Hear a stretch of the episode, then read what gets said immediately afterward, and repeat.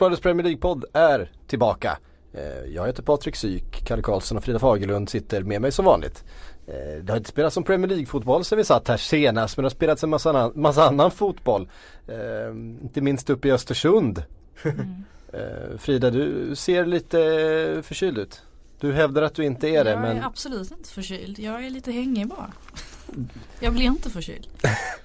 Frida är alltså förkyld om ni inte Eh, om, ni inte, om ni inte hör det så, så är det så det är. Ska jag, du höja din mikrofon lite grann också? Jag skyller allt på eh, Östersund i alla fall.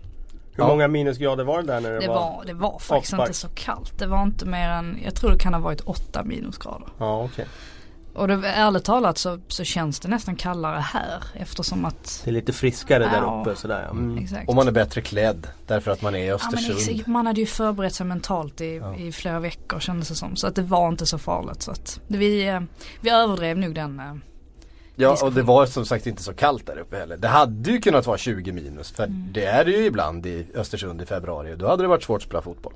Ja då hade nog inte matchen spelats heller. Jag tror att den absolut kallaste matchen den spelades i Trondheim för x antal år sedan. Mm. Eh, och då låg temperaturen på runt minus 15 grader.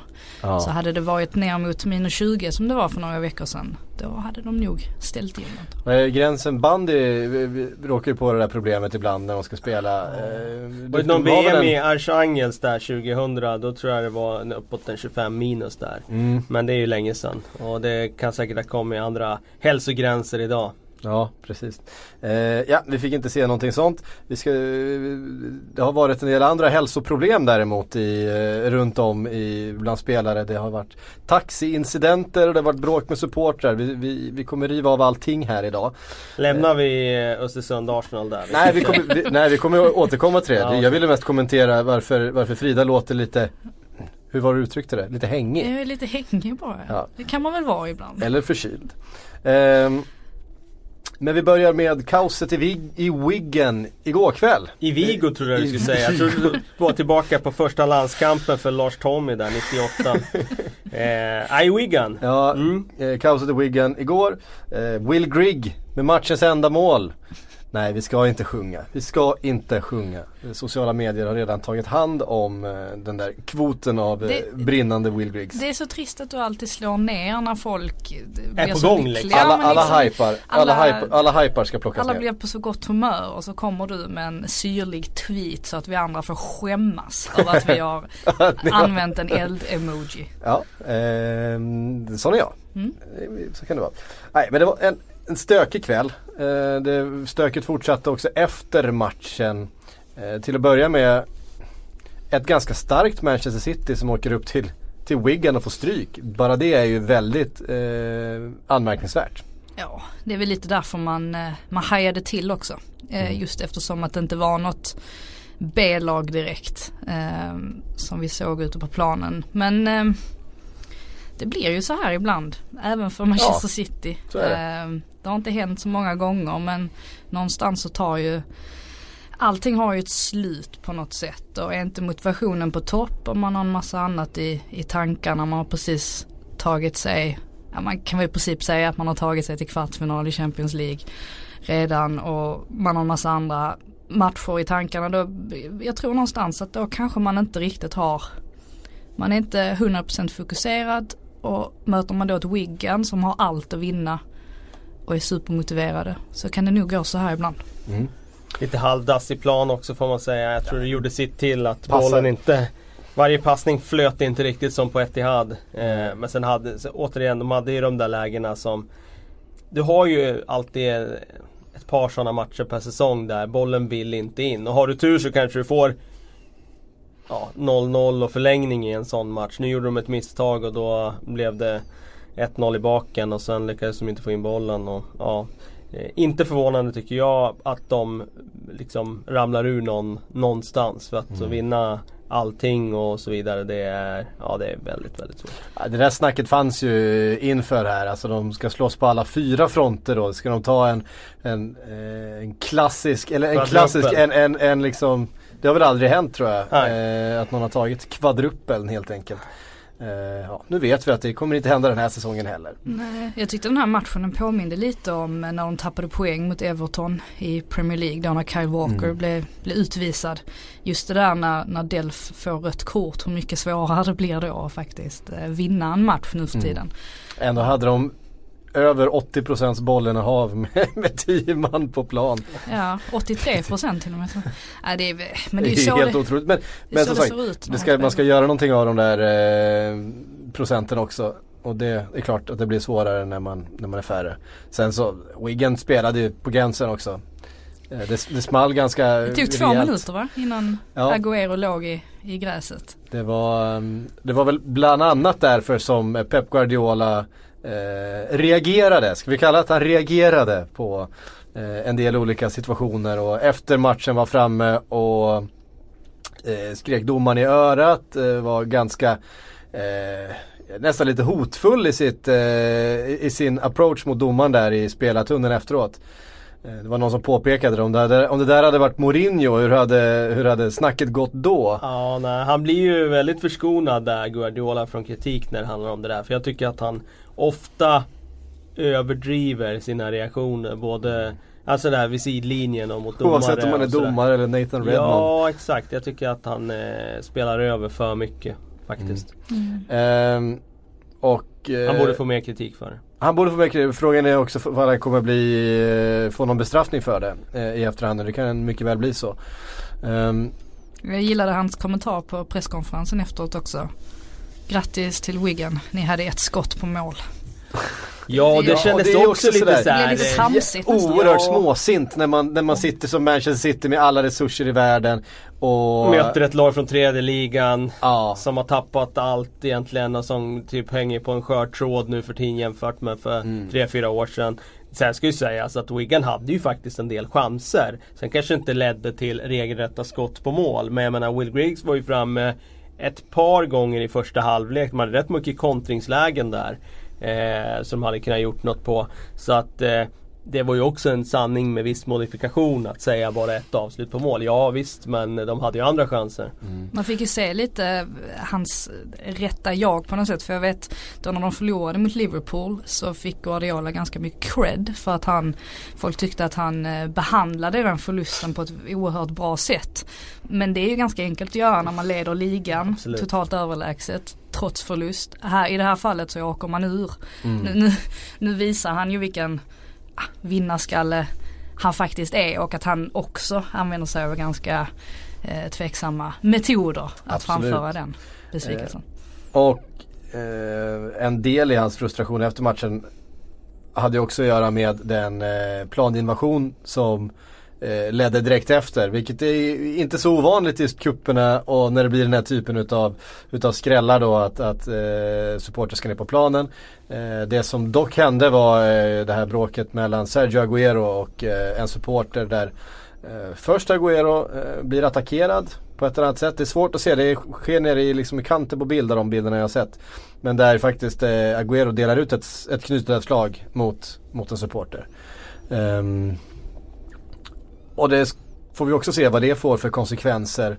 Eh, det kan också leda till avstängningar och så vidare. Det borde nästan göra det kan jag tycka. Ja det kan det göra. Samtidigt så tror jag att det kommer börja i ändan varför eh, hur, hur, hur kunde supportrarna ja. överhuvudtaget mm. få komma in på planen. Eh, för där brast det ju såklart i några säkerhetsrutiner. Mm. Eh, men eh, någon slags reprimand eller straff kommer det ju bli för Agueres del, det utgår jag ifrån. Ja. Uh, Wigan vidare då? Mm. Så intressant att se vilka de får vidare i FA-cupen. Uh, för det var inte den enda skrällen den här uh, helgen. Rochdale tog emot ett, också ett starkt Spurs. De ställde också upp ett, ett, ett starkt lag. Det var kanske inte alla. Uh, Harry Kane började på bänken, kom in och gjorde mål. och så vidare. Men menar, man tittar på laguppställningarna. Det, det märks ändå, kanske i, i Spurs fall mer än i Manchester Citys, att eh, det tar på krafterna att åka iväg och spela en sån Champions League-match. Jo men återigen ska det verkligen behöva ta så pass mycket på krafterna. Att man kan åka till Turin och spela 2-2 mot ett hemmastarkt Juventus. Och sen så lyckas man inte, lyckas man inte vinna liksom i, mot ett betydligt sämre motstånd. Jag förstår hela den här med, med motivation och eh, att ta mycket energi och så vidare. Men jag tycker ändå det är märkligt att man inte någonstans bara kan se till att vinna.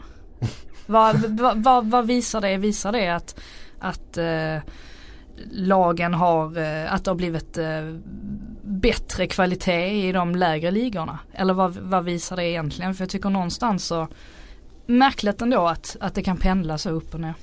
Men är det inte bara att det visar att eh, den här sporten är fantastisk och att den är oförutsägbar och att det lilla laget kan slå det större för att den är eh, för om man, tar, om man jämför jag hade en vän som spelar handboll på den högsta svenska nivån och vi snackar ofta om det där just med, med handboll. Han sa att det bästa laget vinner ju alltid. Mm. Det, det, är en sån sport som men har du någon som är bra på 9 meter, det går ju inte att stoppa den när han får bollen. Då går han bara upp och hoppar högre än vad du kan täcka och så smäller det i nättaket. Men fotboll är ju en sport där du kan skruva på det lilla för att stänga det ena och eh, få effekt av det andra. Och jag tror att eh, det helt enkelt är så att det vore ju jättetråkigt om det var så Frida att Tottenham kunde bara liksom åka ner till Turin, göra en bra match mot Juventus och sen bara nästa vecka eh, utan problem vinna den matchen för de är ju mycket bättre än Rochdale. Vinna nästa match i ligan för de är mycket bättre än vad Bournemouth är, eller vilka det är nu de ska möta.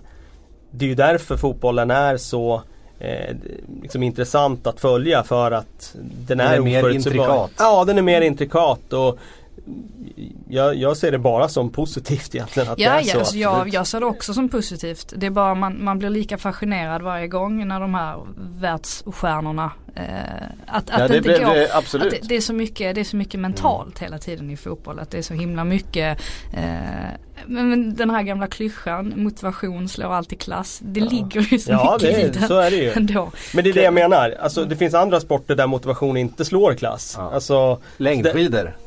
Ja, till exempel. Eh, det, liksom, då har du en viss fysisk kapacitet. ja, antingen den, har du den eller så har du inte den. Ja, precis. Eh, och sen kanske du har dåligt vallat en dag och då mm. kan den där lite sämre åkaren vinna. Men... Kan, kan det inte vara bara så att Rochdale är lika bra som Juventus då?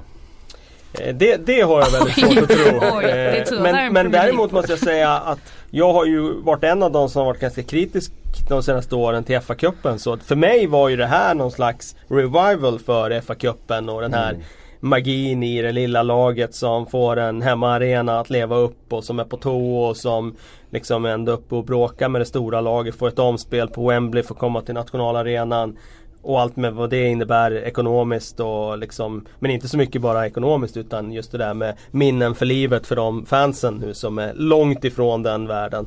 Eh, för mig var det ju ett uppsving för FA-cupen och jag blev ju eh, liksom oerhört glad av liksom bara få uppleva den typen av eh, typ av skräll igen. Mm. Det är just därför man måste ta de här kupperna på allvar också för även om storklubbarna klagar på att det blir mycket matcher och sådär så, så är det ju de mindre klubbarnas enda chans egentligen att, att synas med mm. tanke på hur Premier League hur stängd den har blivit ändå på något sätt. Ja och det är ju också det som har varit den här diskussionen om eh, returmötenas vara eller inte vara. Det är klart att man kan tycka som supporter för ett av de storlagen att fan, alltså du vet, man går på, man spelar eh, kryssar mot eh, något lag eh, Rochdale. Ja, mot Rochdale. liksom så här. Eh, men de här returmötena, hur mycket de betyder för småklubbarna. Att få den chansen. Bara, kan du lösa det krysset? Ja men kanske få storlaget till, till din lilla arena. Liksom, hur mycket det betyder med att TV kommer dit och de intäkterna det ger klubben. Eh, eller att du får åka liksom, och spela och få ta del utav, utav den upplevelsen ja. och de TV-pengarna. Och att supportrarna får göra det. Och att supportrarna får göra det. Alltså det är jätte, jätteviktigt. Ja, ehm, det det. Så att de här returmötena som då blir, jag menar som Rochdale nu eh, då till exempel. Ja men nu får de åka till Wembley eh, och möta Tottenham eh, lilla Rochdale och ta med sig hela jävla byn dit. Och få de tv-pengarna som det kommer generera genom det returmötet. Och, publikintäkter och allt och, det där. Och publikintäkter och så vidare. Det, betyder mycket. Det var ju en jättecharmerande historia om lilla Exeter som fick åka till Old Trafford mm. eh, för ja, 12-13 år sedan där och de ja, fick ju in pengar på den matchen som täckte liksom Ja men det var säkert 4-5 års drift liksom mm. Bara på en match och det, det är klart att jag håller med dig. Det, det finns negativa sidor med att det är returmatcher. Samtidigt kan man säga till den stora klubben, ja men vinn då. Då behöver du inte spela någon retur. Alltså det, ja. Gå dit och, och vinn, gör ställ ditt upp ditt bästa lag men så ja, ta det på allvar då, Ja liksom. exakt, gör ditt jobb. Då ja. behöver du inte spela någon retur. Så att De har ju alltid egna händer för att slippa de där returmatcherna. Så jag, jag kan tycka att det finns en poäng i att behålla just den lilla grejen av FA-cupen som ändå har varit väldigt så här, förknippat med FA-cupen och mycket tradition i det och mm. en liten extra edge. Mm. Eh, Spurs som då bjuder på ytterligare en, ett returmöte då för att de Eh, det var mot Newport va? Som de också tvingades till mm, eh, ytterligare en match. Ser till att samla på sig mycket matcher här Spurs. Det är utvecklande att spela matcher. Det är kanske så Pochettino tänker. Det bästa, bästa träningen är att spela match. Eh, det är sen mm. gammalt. Eh, Manchester United Huddersfield blev kanske inte eh, någon skräll den här gången. 2-0 till Manchester United, två mål av Lukaku. Däremot, alltså det är ju, för mig är det ju helgens bild den här eh, VAR, eh, VAR-bild alltså. Eh, som är så, jag, jag vet inte om ni som lyssnar har sett det. Googla upp det. Den bilden som de visade för att försöka presentera då hur eh, Juan Mata skulle ha sprungit offside. Vilket han kanske är med någon liten centimeter och som då gjorde ett jättefint mål som då dömdes bort. Utav Kevin Friend efter eh, att, jag vet inte hur, det tog flera minuter för dem att reda ut den där offsiden. Eh, men sen när grafiken då skulle presenteras för tv-tittarna så visade de upp någonting som det ser ut som Alltså någon femåring hade ritat. Det var en knölig blå linje som gick inte alls parallellt med någonting på en fotbollsplan. Jag fattar inte var de fick den grafiken ifrån. Eh, och det gjorde ju inte att man fick sådär jättemycket högre förtroende för dem som sköter VAR just nu. Alltså, jag kan i teorin någonstans eh, acceptera att, att VAR kommer komma, att det kommer bli mer så. Men, men om tekniken inte är bättre så här. Nu gick de väl ut och sa att det där var inte den officiella bilden. Men någonstans har det ju kommit ifrån liksom. Vad va, va är det där? Vad hände Kalle? Eller Frida? Vad hände? Kan vi förklara? För att förklara VAR? Eller vad? Nej, va, äh, bilden, ja, det var bilden. väl någon praktikant som hade fått fria händer och tänkte att ja, det här kan inte vara så svårt uppdrag. Och sen... Han blir väldigt tydligt offside just på den Ja det får man ju säga. På den bilden det eftersom den var dragen helt snett linjen. Uh... Fake news. ja. Uh, nej men uh... Ja nej, det, jag, jag blir mer, tvet, mer och mer tveksam till VAR. Ja, faktiskt ja, det, måste jag säga. Eh, jag tyckte videoteknologin handlar om eh, Håkan just... fick ju gå ut och be om ursäkt då, alltså företaget som ligger bakom te ah, okay. teknologin. Okay. Eh, ja, jag tycker också nu, nu tycker jag nästan vi ska, vi skiter i det där alltså. Det är det, ja men det, det har ju, nu har vi testat ett tag liksom och kan väl säga att det har gått sådär. Ja men och jag menar de ligorna som Italien och så vidare de har haft det nu. De är inte helt övertygade de heller om man säger så. Mm. Nu har de ju domstolsförfaranden eh, på vissa håll kring VAR. Är det i Holland eller något sånt där som det ja. är något dom, domstolsärende nu va? Mm. Eh, så att, eh, och det var väl holländarna som hittade på ja, alltihopa från början. holländarna som började med det. Men ja, men jag, det är väl mest att eh, kanske så, alltså hela syftet med VAR har ju varit att eh, ta bort det här, minska snacket om, mm. om domslut. Men någonstans så känns det ju nästan som att vi pratar ännu mer om det trots ja. att vi, vi har den här teknologin nu. Och, och då har man ju tappat, alltså mm. vad är då meningen med att ha det? Ja och som vi har varit, vi har varit inne på nästan alla domslut blir ju rätt. Det är en väldigt, väldigt liten procent.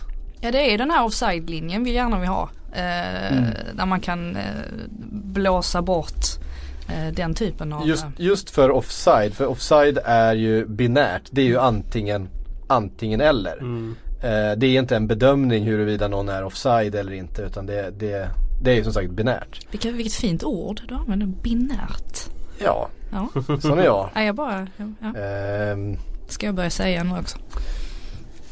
Kommer helt av mig. ja, eh, men något annat att säga från Manchester United Huddersfield? Nej, Lukaku får göra mål och det är Två ingen... fina mål. Ja, eh, det var det ju. Eh, och nu återigen är det väl så att han behöver göra det mot de stora lagen. Nu är det fem mål på 41 matcher mot topp 6 motstånd. Då ska man ju för sig då räkna in att många av de matcherna har han gjort i Everton och det är klart Mm. att det är svårare att göra mål för Everton än att göra mål för om man är en av de där topp 6 konkurrenterna som är på samma nivå. Men fem mål på 41 matcher eh, om det nu var exakt det eller om det var sex mål på 41 matcher. Mm. Det är inte tillräckligt bra. Det, det är hans eh, skyldighet nu eh, att liksom börja leverera de stora matcherna. Och det, de kommer ju här nu. Både Champions League och Ja. möten med topplag här under våren. Så att nu får han visa att han eh, kan ta det steget. Sevilla på onsdag och Chelsea till helgen. Mm. Så är det va? Ja, stämmer. Eh, ja. Chelsea, det är också, alltså det har blivit ett riktigt sånt där infekterat möte nu Manchester United-Chelsea med eh, Mourinho. med Judas, Lukaku. eh, med Judas eh, Mourinho.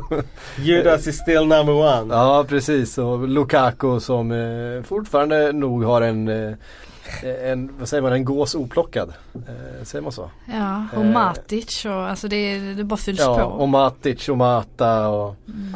Eh, ja det, det finns väldigt mycket På däremellan. tal om infekterade möten, vi kanske kommer in på det sen förresten om vi ska snacka om Champions League. Men vi har ju alltså Barcelona eh, mot Chelsea här. Barcelona, Där Chel- kan Chelsea vi snacka ikväll, ja. infekterade Ja. möten. Ska vi ta en liten titt eh, framåt här men det är ju redan ikväll så jag Ja. vet hur mycket vi kanske Det är lönt att prata senare. om det så det kommer, Många lyssnar kanske när det, den matchen redan är spelad. kan vara så. Eh, vi får se men vi kommer in på det lite grann. Eh, Chelsea som mötte Hull i fredags. Eh, stabilt vidare från den matchen. Eh, inte sett någonting ifrån den. Jag har förstått att Giroud var bra.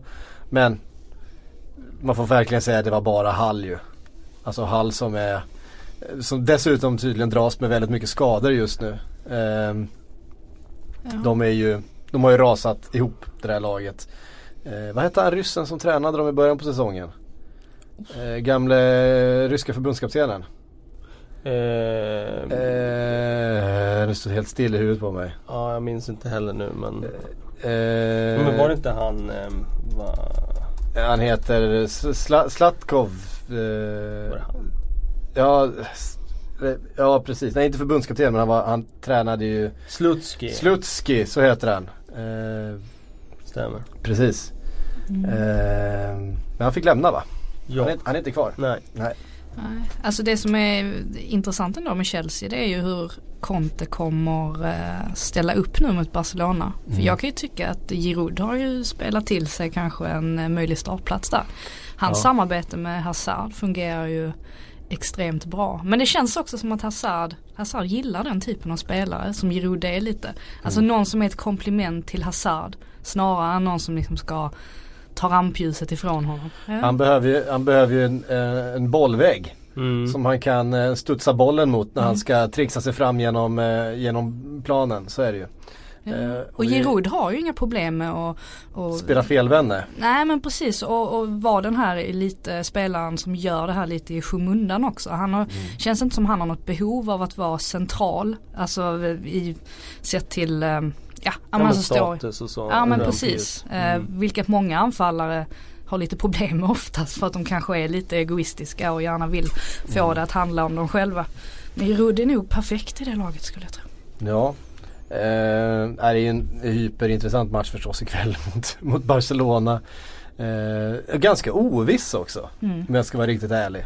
Det, Ja, det trots känns- att Chelsea är upp och ner hela tiden. Trots, trots att Chelsea inte gör sin bästa säsong och Barcelona leder La Liga stort och ehm, Alltså Conte är ju en mästare på en one-off. Alltså ja. cuptränare. Eh, så det är mest tack vare det tycker jag de har en, liksom att det finns en chans i det här dubbelmötet. För annars tycker jag att Barcelona den här säsongen har varit så otroligt stabilt. Mm. Och de har trots allt Leo Messi som ja, är på en egen nivå. Så att, eh, men just det där att Conte, han har fällt Spanien i, i mästerskap. Han, liksom, han, han har en plan för hur han ska kunna maximera Chelseas chanser i en, i en enskild match. Och det gör att de har möjlighet. Mm. Eh, som sagt den matchen ikväll. Eh, vi eh, måste gå ännu lite längre tillbaks i veckan och hitta ännu mer fotboll känner jag. före vi börjar blicka framåt. Vi kan börja West Bromwich träningsläger i Barcelona och använda Barcelona som en segway. Eh, ja, var ska man börja? Det är alltså Gareth Barry, eh, Johnny Evans. Alltså Gareth Barry. Jag antar att ni som lyssnar på det här har, har, har, har hängt med. Eh, Gareth Barry, Johnny Evans och eh, två spelare till vilka eh, Jag vet inte vilka det var. de var inte lika intressanta som, som just Gareth Barry och Johnny Evans känner jag. Är alltså ute på stan trots att de då har utegångsförbud för att vara på träningsläger. De får Jake inte. Livermore och Bo- Ja, Boas Mile. Ja just det, eh, Mile och Livermore. Ehm, så de är liksom då brutit mot reglerna. Gett sig ut på McDonalds och har beställt en taxi. Eh, säger åt taxichauffören att springa in och hämta deras mat. Eh, varpå de passar på att sno hans taxi när han är iväg. Va, vad är det som händer? Vad är det som händer? Gareth Barry? Det här känns ju lite så här typiskt när man är på någon chartersemester och det är några engelsmän som beter sig som, ja, Ja, alltså, om de- man har de- vissa de- fördomar mot engelsmän på semester så, så vet man hur, eh, hur jag menar. Men, men det känns ju lite så. Det känns ju inte som fyra professionella fotbollsspelare som är iväg på träningsläger. Det är, ja, man kan ju skratta åt det men samtidigt vad, vad är det som händer? Vad, Alltså, är det, vad är det som händer? alltså, Gareth Barry, var han 36, 37 år han, är, gammal? han är som dig och mig psyk. Han, Han är är åt- 81. Han är 81. Men, äh, äh, man känner ju själv, då är man, inte, då är man liksom inte en eh, fotbollsspelare med eh, 200 miljoner på banken. Eh, man är rätt långt ifrån att sätta sig i den situationen själv. Jag kan, inte se, jag kan överhuvudtaget inte se mig en, en omständighet som skulle göra att det beslutet fattades. Jag blir fortfarande förvånad också att man ofta hör det här om när lag är iväg på träningsläger att de går ut och festar och sånt. Alltså jag, absolut att man går ut och, och dr- dricker något glas vin eller sådär om man har tillåtelse. Men just, alltså jag kan ju inte tänka mig att de har druckit ett glas vin om de bestämmer sig för att sno en taxibil. Det är, De är förstås snorfulla. ja, Det är ju, det är ju den enda, alltså det, det är ju Alltså hade de varit nyktra och gjort det här Då vet jag inte vart jag ska börja nej. Då- Men det, det är hemskt också att, att man kan, att alkohol kan, eh, kan ursäkta den typen av beteende på något sätt. Alltså det är ju ingen, det är ingen ursäktande men det är ju liksom Det är den enda möjliga förklaringen är att de är så jävla packade så att de inte vet vart fan de är någonstans så att, det, är så, det är så otroligt konstigt. Ja det är så tro, alltså det hade Ja men som sagt, hade det varit en eh, Joey Barton som hade gjort det Eller en Jamie Vardy Jag tror att Joey Eller- Barton tyckte att det var helt okej för de hade frågat honom vad han tyckte om den här incidenten. Och föga förvånande så svarade han att ah men de snudde ju inte taxibilen, de lånade ju den. Ja. Då var det, då var och, det okej. och när det kommer till moraliska dilemman så vet vi att Joey Barton är den första man ska vända sig till. Precis. Ehm, Och inte bara det, de, de beställer dessutom rätt mycket mat. De beställer en Big Mac och Company för varje och fyra chicken burgers. Alltså det är inte Det var- så att de håller vad dietisten har liksom ordinerat på det här träningslägret. nej. Men ändå startar de, eh, både Gareth Barry och Johnny Evans eh, startade väl i helgen i, i cupen va? Ja men det är väl B-laget som spelar i cupen så att det, Ja, ja, Pardew. Precis som att han inte hade tillräckligt med bekymmer. Han satt säkert och skrattade åt detta på frukosten morgonen efter. Han blev av med lagkaptensbindeln Evans. Ja, han blev det. Det var ju inte mycket till straff. Vi får väl se ifall det. Eh, men Pardew hänger ju löst också nu känns, sägs det. Eh, att han ska ha två matcher på sig här och eh, rädda sitt eget eh, kontrakt. Frågan är vem man ska köra in då. Då har man redan tagit in en krisdoktor. Man har sparkat en krisdoktor, tagit in en annan och så ska man då hitta en tredje. Eh, ja, det, det ser rätt mörkt ut för, för West Brom. Så mycket kan vi väl slå fast i alla fall. Hepp, hepp, hepp. Om vi går eh, tillbaks till torsdagen och Östersund där vi var och tassade lite grann. Så fick vi se ett Arsenal som öppnade starkare.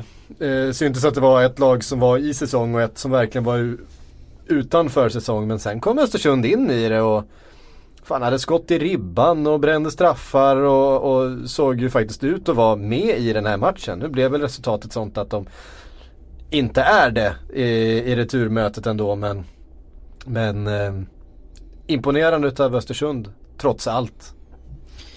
Ja absolut. Jag var lite förvånad över att de föll ner så pass lågt ändå. Um, som de gjorde där de första 25. Det är inte deras grej att göra mm. det. Och jag tyckte väl någonstans att man hade lite för mycket respekt för att det var Arsenal på andra mm. sidan.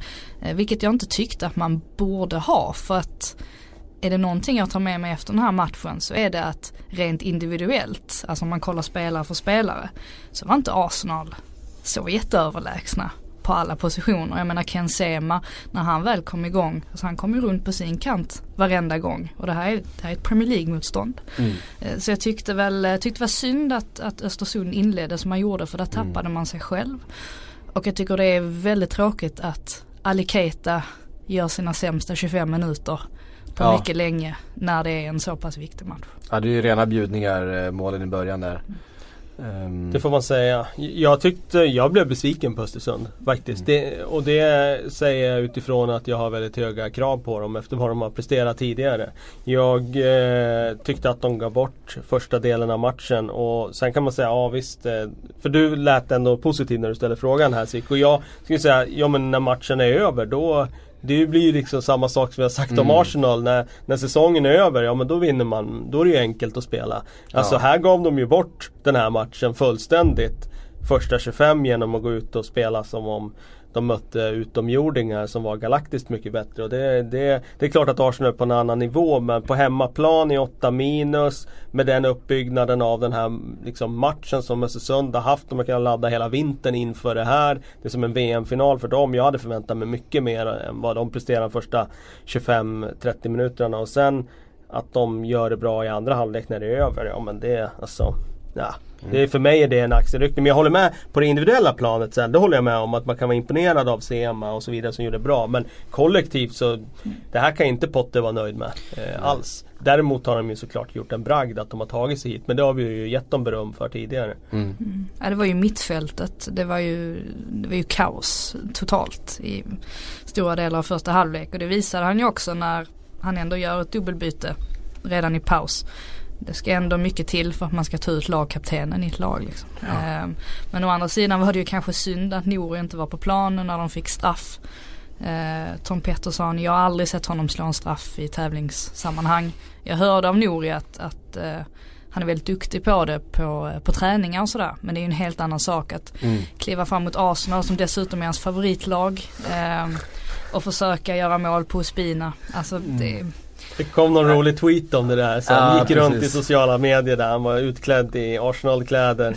Eh, det var han som missade straffen mot oss liksom. Ja, ja, jo. Ja. Men det jag hoppas nu i alla fall att man är riktigt förbannad över sin insats. Vilket, vilket är, det är nu första gången man har sett Östersundsspelarna i mixade zonen så, eh, så nedstämda och förbannade. De brukar ändå oftast eh, trots förlust ändå vara ganska, ganska glada och nöjda och sådär.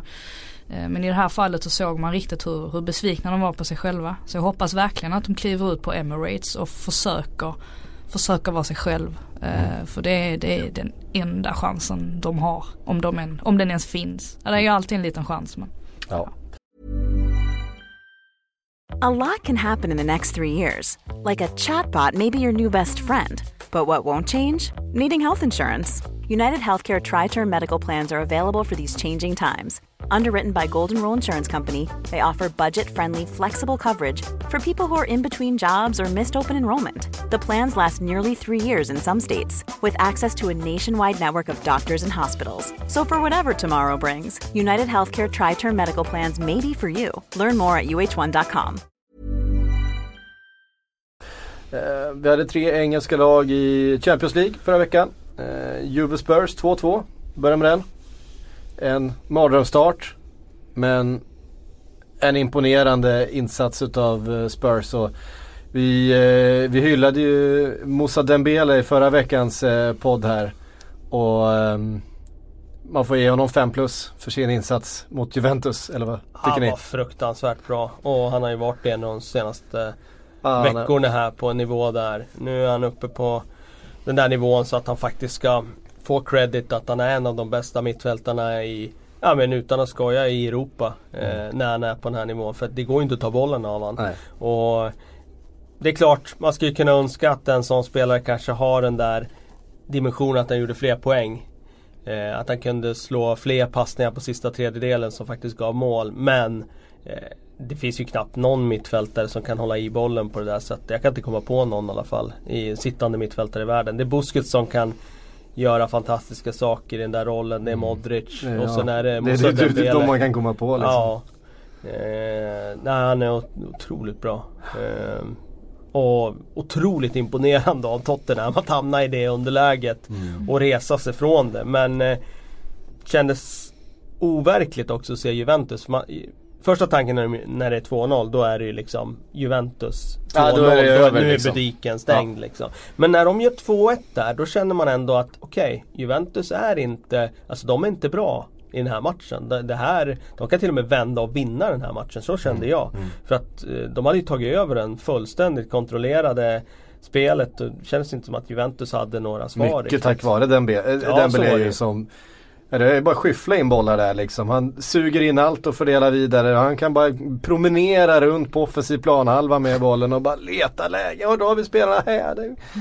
Och de försöker täcka och ta bollen från honom. Han bara sätter upp det där jättearslet han har. Och, och i röven han har. Han har verkligen, han är hur stark som helst ja. alltså. Han är, det, det går, inte, går inte att komma runt. Nej det går inte. Sen få, få spelare kan kan göra två mål i en match och ändå se som syndabock så som Iguain mm. blev lite. Men det var ju inte bara, det här berodde ju inte bara på honom. Eh, tycker även man ska lyfta fram alltså Eriksen ja. som eh, återigen visar hur otroligt viktigt, alltså det blir oftast att man snackar om Harry Kane eh, av förklarliga skäl.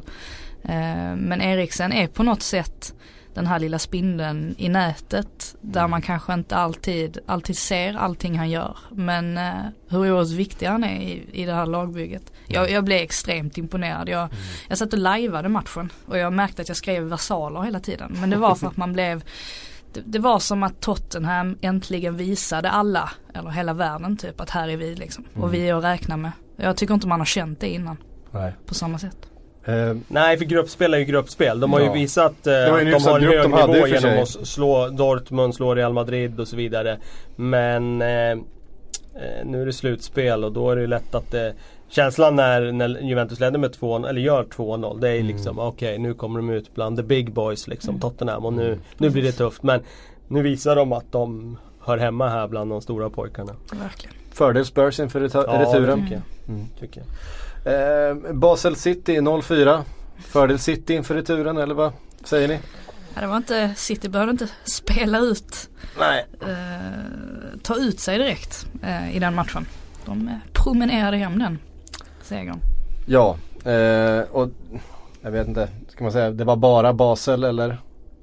Det är klart att det inte är ett Basel som är lika bra som det var för några år sedan när man hade spelare som har eh, gått vidare till, eh, till andra klubbar. Eh, men ja, det är fortfarande ett, ett bra lag som City åker ner och promenerar över. Så mm. som de gör. Och den är ju avgjord, den Basel har ju faktiskt varit rätt bra på hemmaplan ja. tidigare i Champions League. De har ju faktiskt slagit bra lag där så det är inte så enkelt att bara åka ner och städa bort dem på det sättet som de gjorde. Så att Det var ju ytterligare en liksom, indikation på att City är i den här turneringen får liksom gå hela vägen. Mm -hmm. eh, Porto-Liverpool 0-5. Känner ni inför den returen?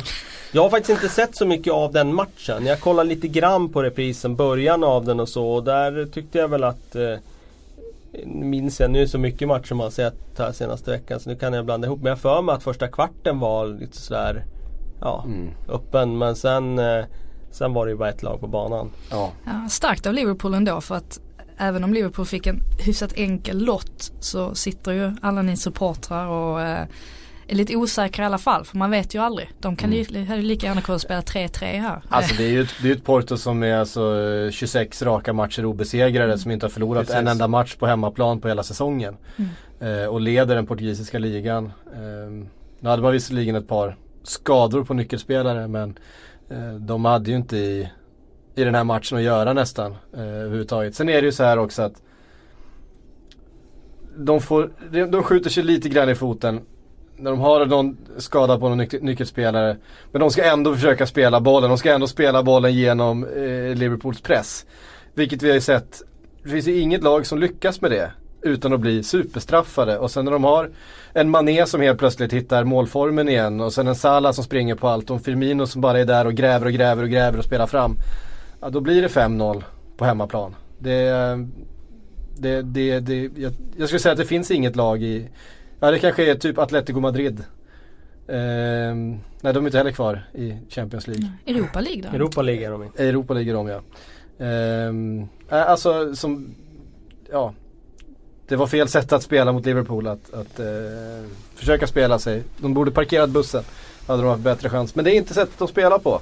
Och det är inte det så de vill spela. Utan de är ju de är lite liknande. Eh, Liverpool egentligen. Mycket omställningar, mycket eh, anfallsspel.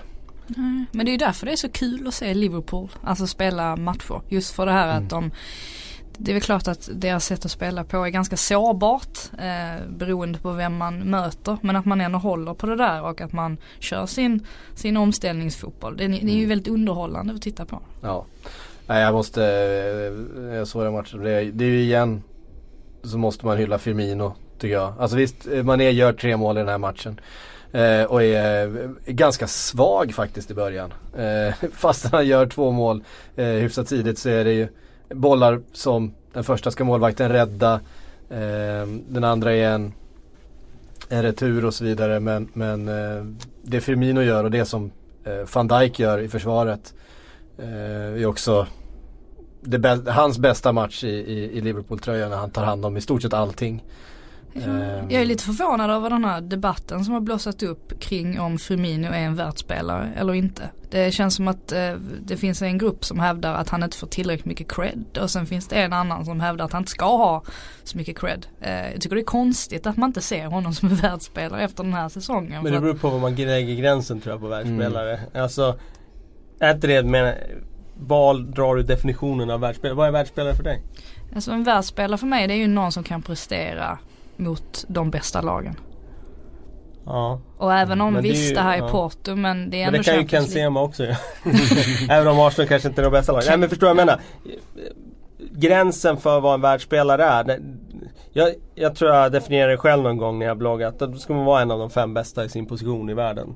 Mm. Eh, och då blir, då, när man säger det då inser man att ja men då är det ganska tufft att vara en världsspelare. Alltså Fem strikers, Onekligen. det är inte säkert för Firmino går in på de fem bästa i världen i den positionen. Alltså, nej. nej då kanske han inte är det. Alltså det beror på vad du lägger nej. definitionen tror, i det. absolut, jag, absolut. Tror, jag tror den stora eh, skiljelinjen här är att många ser honom överhuvudtaget inte som en striker på samma sätt som Han är inte en renodlad nummer nio som bara är där för att göra mål. Han, det är ju det som, hans, hans arbetsuppgifter skiljer sig lite grann från en ja, en Agüero eller en Lewandowski eller en eh, Fast, Suarez. Jag tror så här, jag tror man får eh, också omvärdera det där lite. Jag tror inte arbetsuppgifterna skiljer sig så mycket. Jag tror att arbetsbeskrivningen är liknande för alla. För det finns inga lag idag i toppfotbollen som kan ha några free-passagerare. Det är ingen som har råd med det. Nej. Däremot så gör han lite extra utöver sin arbetsbeskrivning jämfört med, säg Agüero då. Och det tror jag inte alla ser. Men det har ju folk börjat få upp ögonen för nu. Så nu tycker jag senaste ja, månaden att eh, även både här och där och även i läger där han inte har fått cred tidigare så börjar han få det. Mm. Så att eh, eh, nu tycker jag nog att han får credit både från sen, det ena och det andra hållet. Sen var det ju det som, som Klopp sa också. Eh, jag vet inte om det var efter den här matchen eller om det var efter eh, matchen innan i helgen.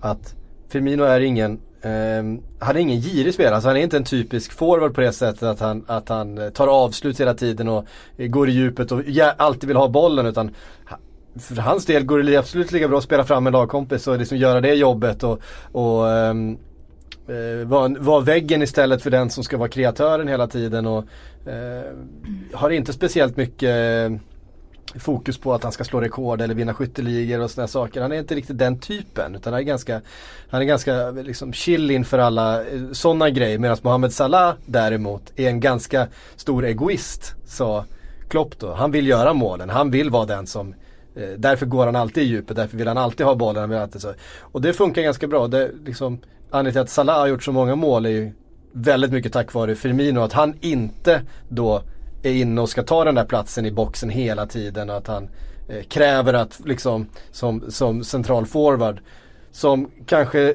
Salah led lite av i Roma där Dzeko var den som skulle göra målen. Det var han som sprang in och ställde sig där. Och Salah låg ju bakom många av Dzekos mål förra säsongen. Men det kanske gjorde också att han inte själv fick ut sin potential som, som målskytt på samma sätt där då. Eh, och att Firminos lite mer tillbakadragna roll, kanske inte mm. positionsmässigt men rent attitydsmässigt. Men just det, eh, därför är inte detta som en kedjereaktion då att Firmino har seglat om Sadio Mané och nästan blivit ännu viktigare för Liverpool just av den anledningen att han kompletterar Salah bättre. För man tänker då när Salah kom till Liverpool då var det ju mest snack om att åh vilket bra komplement Salah kommer att bli till Mané. Mm. Men någonstans har ju Salah gått om under säsongen mm. och därför, därav har ju kanske Firmino också blivit viktigare för, för Liverpool. Eh, så är det nog. Vi har fått en massa frågor eh, som vanligt. Eh, Viktor Olsson skriver Tränare Kalle Karlsson Nej, fan nu går jag händelserna i förväg. Vi, vi skulle säga någonting om, om eh, matchen som spelas nu i veckan också. Ehm, vi har pratat om eh, Chelsea-Barcelona lite grann. Någonting, det spelas ikväll, det känns lite sådär. Men Vi däremot... kan bara nämna det kort då. Ja. Att eh, det känns som en sån där match och möte som har en extra edge. Mest tack vare sin historia i ja. den här turneringen. Det är ju något extra när det gäller just Chelsea-Barcelona. Det känns som det mötet som kanske har bjudit på de häftas, häftigaste rivalmötena och liksom historien i, i den där turneringen. Ser fortfarande en, en rasande Didier Drogba och en eh, Ballack som eh, jagar domaren. Övrebö tänker jag på. Tor Henning Övrebö. oh, domaren som det dömde var... 2009 års semifinal där och missade tre straffar i alla fall. Ja det gjorde han nog. Det var en, det var en jobbig match för honom. Ja det var det. Han gick ut och pratade här erkände ju faktiskt nu att ja. eh, han hade en tung dag på jobbet. Och det var väl ändå Det kunde vi se. Eh, det var väl ändå bra att han sa det. Ja. Det lindrar kanske smärtorna lite grann för Chelsea. Snarare än att han säger att nej men jag dömde rätt. Mm. Eh, och Fabregas mot sitt eh, gamla och gäng. Och Pedro mot sitt gamla gäng, precis. Mm. Stämmer bra. Sen har vi Manchester United mot Sevilla. Ehm, ja. Den känns ju Alltså Sevilla är ju inte vad de var för ett par säsonger sedan. Eh, de hade en ganska tacksam grupp där tillsammans med Liverpool. Eh, och två inte speciellt bra gäng eh, i, den, i den gruppen. Fick eh, två stycken kryss mot Liverpool vilket var starkt men jag tror inte de kommer räcka till mot Manchester United. Ja men det är ändå en tuff bortamatch att spela alltså. Eh, det är, det är väl lite det som, som jag känner. Eh. Det är en väldigt fientlig miljö, Sevilla. Ja. Hela stan går ihop och eh, allt från eh, rättsväsende till biljettkontrollanter och eh, de har ju tryckt upp biljettpriserna något djävulskt för borta supportrarna. De skulle ha 80 eller 90 euro tror jag för en eh, bortaklacksbiljett. Och eh, det har vi sett andra lag från framförallt England som har varit på besök i Sevilla de senaste åren. De kommer inte in i tid, de kan bli omhändertagna för nästan ingenting och det har varit väldigt mycket eh, bråk och stök om och kring eh, matcherna där nere. Så att eh, mm på många sätt en, en eh, tuff bortamatch. Det har varit mycket bråk. Det har varit snack om att eh, Manchester United skulle höja priset för Sevilla supportrar på samma sätt då. För att komma upp för att liksom på något sätt hämnas. Men det känns ju också lite sådär att straffa deras supportrar för att deras sportsliga ledning fattar de här besluten. Det känns inte heller riktigt rättvist. Men kanske kan det leda till att supportrarna i Sevilla i sin tur då sätter press på sin ledning för att men får man höja det ja, hur exakt. som helst? Alltså? Ja, de får sätta vilka priser de vill. Det är så alltså? Ja. Okay. Så det är kanske där problemet ligger? Ja, ja det har funnits, eh, det har kommit då förslag på att uh, Uefa ska bestämma biljettpriserna helt enkelt i, i framtiden men mm. så är det inte nu. Och ja, det var alltså om det kostar 30 euro för en Sevilla supporter går in så kostar det typ 80 eller 90 för en Manchester Man behöver ju kanske inte ha det där att Uefa bestämmer biljettpriserna men man kanske kan ha att en biljett på bortasektionen får kosta eh, inom något spann av procent mm. av eh, en ordinarie biljett liksom. Mm. Hepp, hepp, hepp. Ja, vad tror ni om eh, det är dags för Lukaku kliva fram igen? Ja det har vi tyckt hela säsongen. Nej, ja, men det, jag tycker det är så himla svårt och uh, svårtippad match mm. faktiskt. Ja, eh, den är oviss. Eh, vi följer upp det då med Viktor Olssons fråga. Eh, tränare Kalle Karlsson, hur skulle du göra? Anpassa Uniteds spelsystem efter Pogba eller försöka anpassa Pogba till att bli en av de sittande mittfältarna? Eh, anpassa Uniteds system efter Pogba så att man får ut mer av honom. Eh, där är en annan sak om laget hade fungerat bra nu. Så kan det ju vara att man hittar ett sätt att spela som fungerar för laget och det går ut över kanske din bästa spelare men du känner ändå att du hittar ett sätt som funkar eh, för liksom laget och att eh, alla köper det. Men det är ju inte det riktigt som är fallet i det här eh, caset med Manchester United. De har ju ett spel som hackar betänkligt och när de dessutom inte får ut någonting egentligen alls av sin eh, bästa spelare då måste man ju verkligen börja fundera över om man inte ska lägga om spelet så att man kan bygga på att få ut hans spetsegenskaper. Jag tycker definitivt att de borde göra det. Mm. Uh, Men det hade ju varit en annan sak om, om de hade vunnit de senaste matcherna med 3-0, 4-0, 5-0 över de senaste två månaderna. Då, då får man ju kanske köpa att ja, vi får inte ut så mycket av Paul Pogba men, men laget fungerar. Men så är det ju inte. Nej. Eh, Trapattoni undrar, eh, kan Lesells inställning och ledaregenskaper leda honom till ett VM i sommar Frida? Engelska backar är ju svajiga, typ Phil Jones. Ja men det tror jag faktiskt. Eh, och jag vet att hans namn har poppat upp också bland eh, brittiska experter som eh, potentiellt namn. Mm. Ja men som du säger, där, där finns inte så många. Och... Det blev ju rätt tydligt i matchen mellan just Manchester United och Newcastle United att det var en brittisk back i Newcastle United som hade en betydligt bättre match än ja, just Chris Smalling och Phil Jones som ju var katastrof i, i den matchen. Ja. Smalling gjorde ju, satte inte en fot rätt kändes det som på 90 minuter. Nej och jag tycker att hela Englands trupp känns, eh, nu är det inte så många månader kvar men det känns fortfarande oerhört ovisst vilka Gary Southgate kommer ta med i den. Mm. Så att eh, jag tror absolut att det är en öppning, öppning för honom. Ja. Ja, det, det känns svårt just nu för det känns som det finns ganska mycket att ta av på vissa positioner. Vi har varit inne på det. Men att få ihop ett mittfält helt plötsligt, mm. centralt mittfält med engelska spelare. Det ser ganska svårt ut. Um, ja och vad ska man, hur ska man tänka också? Alltså hur ska Southgate tänka? För att det är ju en hel drös med yngre spelare som eh, har gjort det så fantastiskt ja. bra. Jaha, ska han, ska han satsa ska mer på dem? Med, eller? Liksom? Ja men precis, eller ska han, eh, ska han plocka alla engelsmän och Tottenham och ställa ut och sen så komplementera med övriga. Men det, det beror ju lite på hur han tänker. Jag, jag, mm, det, det känns som att det kan det finns många potentiella startelvor att ställa ut. Bygg laget runt James Milner säger jag. Varför inte? Han är ju assist, eh, han leder assistligan i Champions League. Eh, ja det är sjuk statistik faktiskt. Med marginal. Eh, bara en sån sak. Ja, fin kille. Eh, Jesper Bernspång skriver, vem anser ni har störst chans att ta hem FA-cupen? Chelsea går starkt. Räddas Contes jobb om titeln bärgas? Jag tror inte Conte vill att hans jobb ska räddas. Ja, han vill ju vinna titlar, det vill han ju göra. Han vill definitivt vinna titlar men jag tror inte att det påverkar hans eh, beslut, att stanna, beslut om att stanna i klubben. Det tror jag inte. Nej. Jag tror inte han kämpar för ett nytt kontrakt. Men han vill nog hemskt gärna vinna så mycket som möjligt med Chelsea så länge han är där, det är klart. Jag tror Wigan gör om bedriften för 2013 att ta hem alltihop. Det hade varit magiskt. Det hade varit magiskt. Europa League och spela League One. ja, det hade varit något. Ja. Will Grigg, då hade, då hade det sjungits. då hade det sjungits. För det är han som gör det. Det var ett fint avslut. Det, det, vi skämtar om det men det var, det var faktiskt ett eh, han, är en, han är en ganska duktig forward ändå. Det är en väldigt bra League One forward, det får ja. man ändå säga. Ja, absolut. Johannes eh, Rosvall skriver, det skulle vara intressant att höra hur Östersund står sig i jämförelse med Rochdale. Arsenal mötte Östersund, Spurs Rochdale. Eh, spontant tyckte jag Rochdale såg ut att vara minst ett snäpp eller två över, nej, minst ett snäpp över allsvensk nivå. Ja, alltså det där är, det är svårt att jämföra sådär men jag skulle säga om du tar League One som vi går ner på den undre halvan i Allsvenskan så Mm. då står de sig väldigt bra. Det tror jag. Det, det är ingen Ja. snack om det. Den är så otroligt stor fotbollen i England när det handlar om bredden.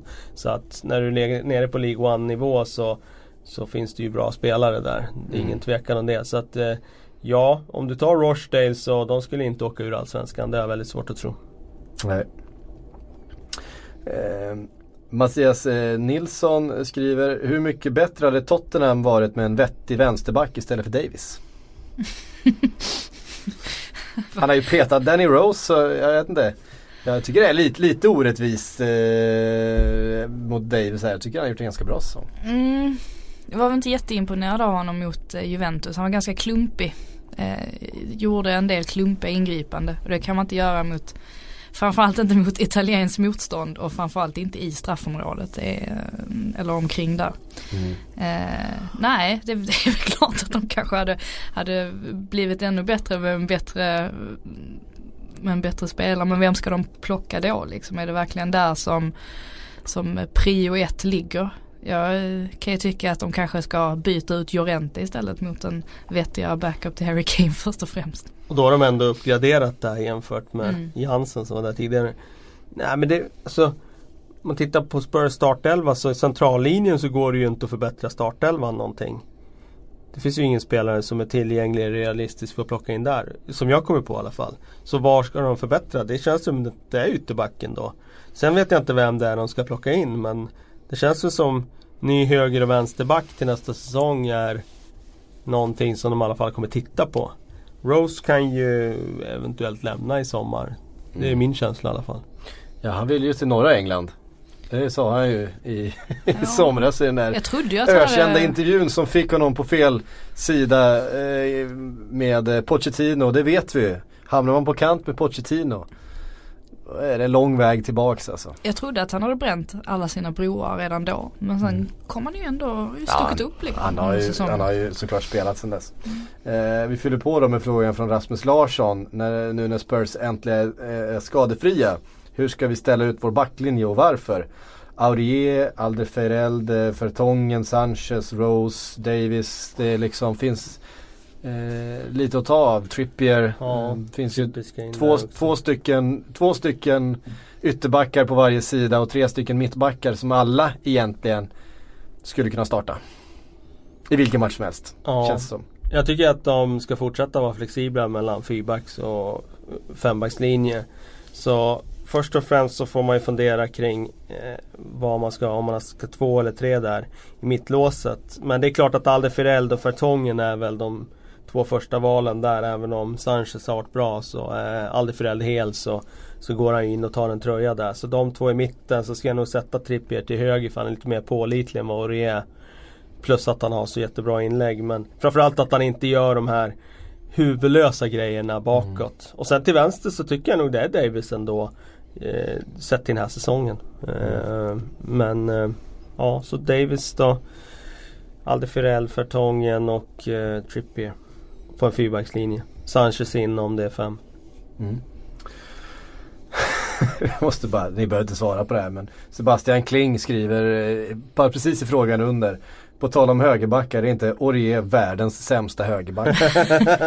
Är tack, tacksam för att våra lyssnare är så eh, nyanserade i sina omdömen. Och vem som är bäst och sämst i världen. Finns inga mellanting. Nej, så är det.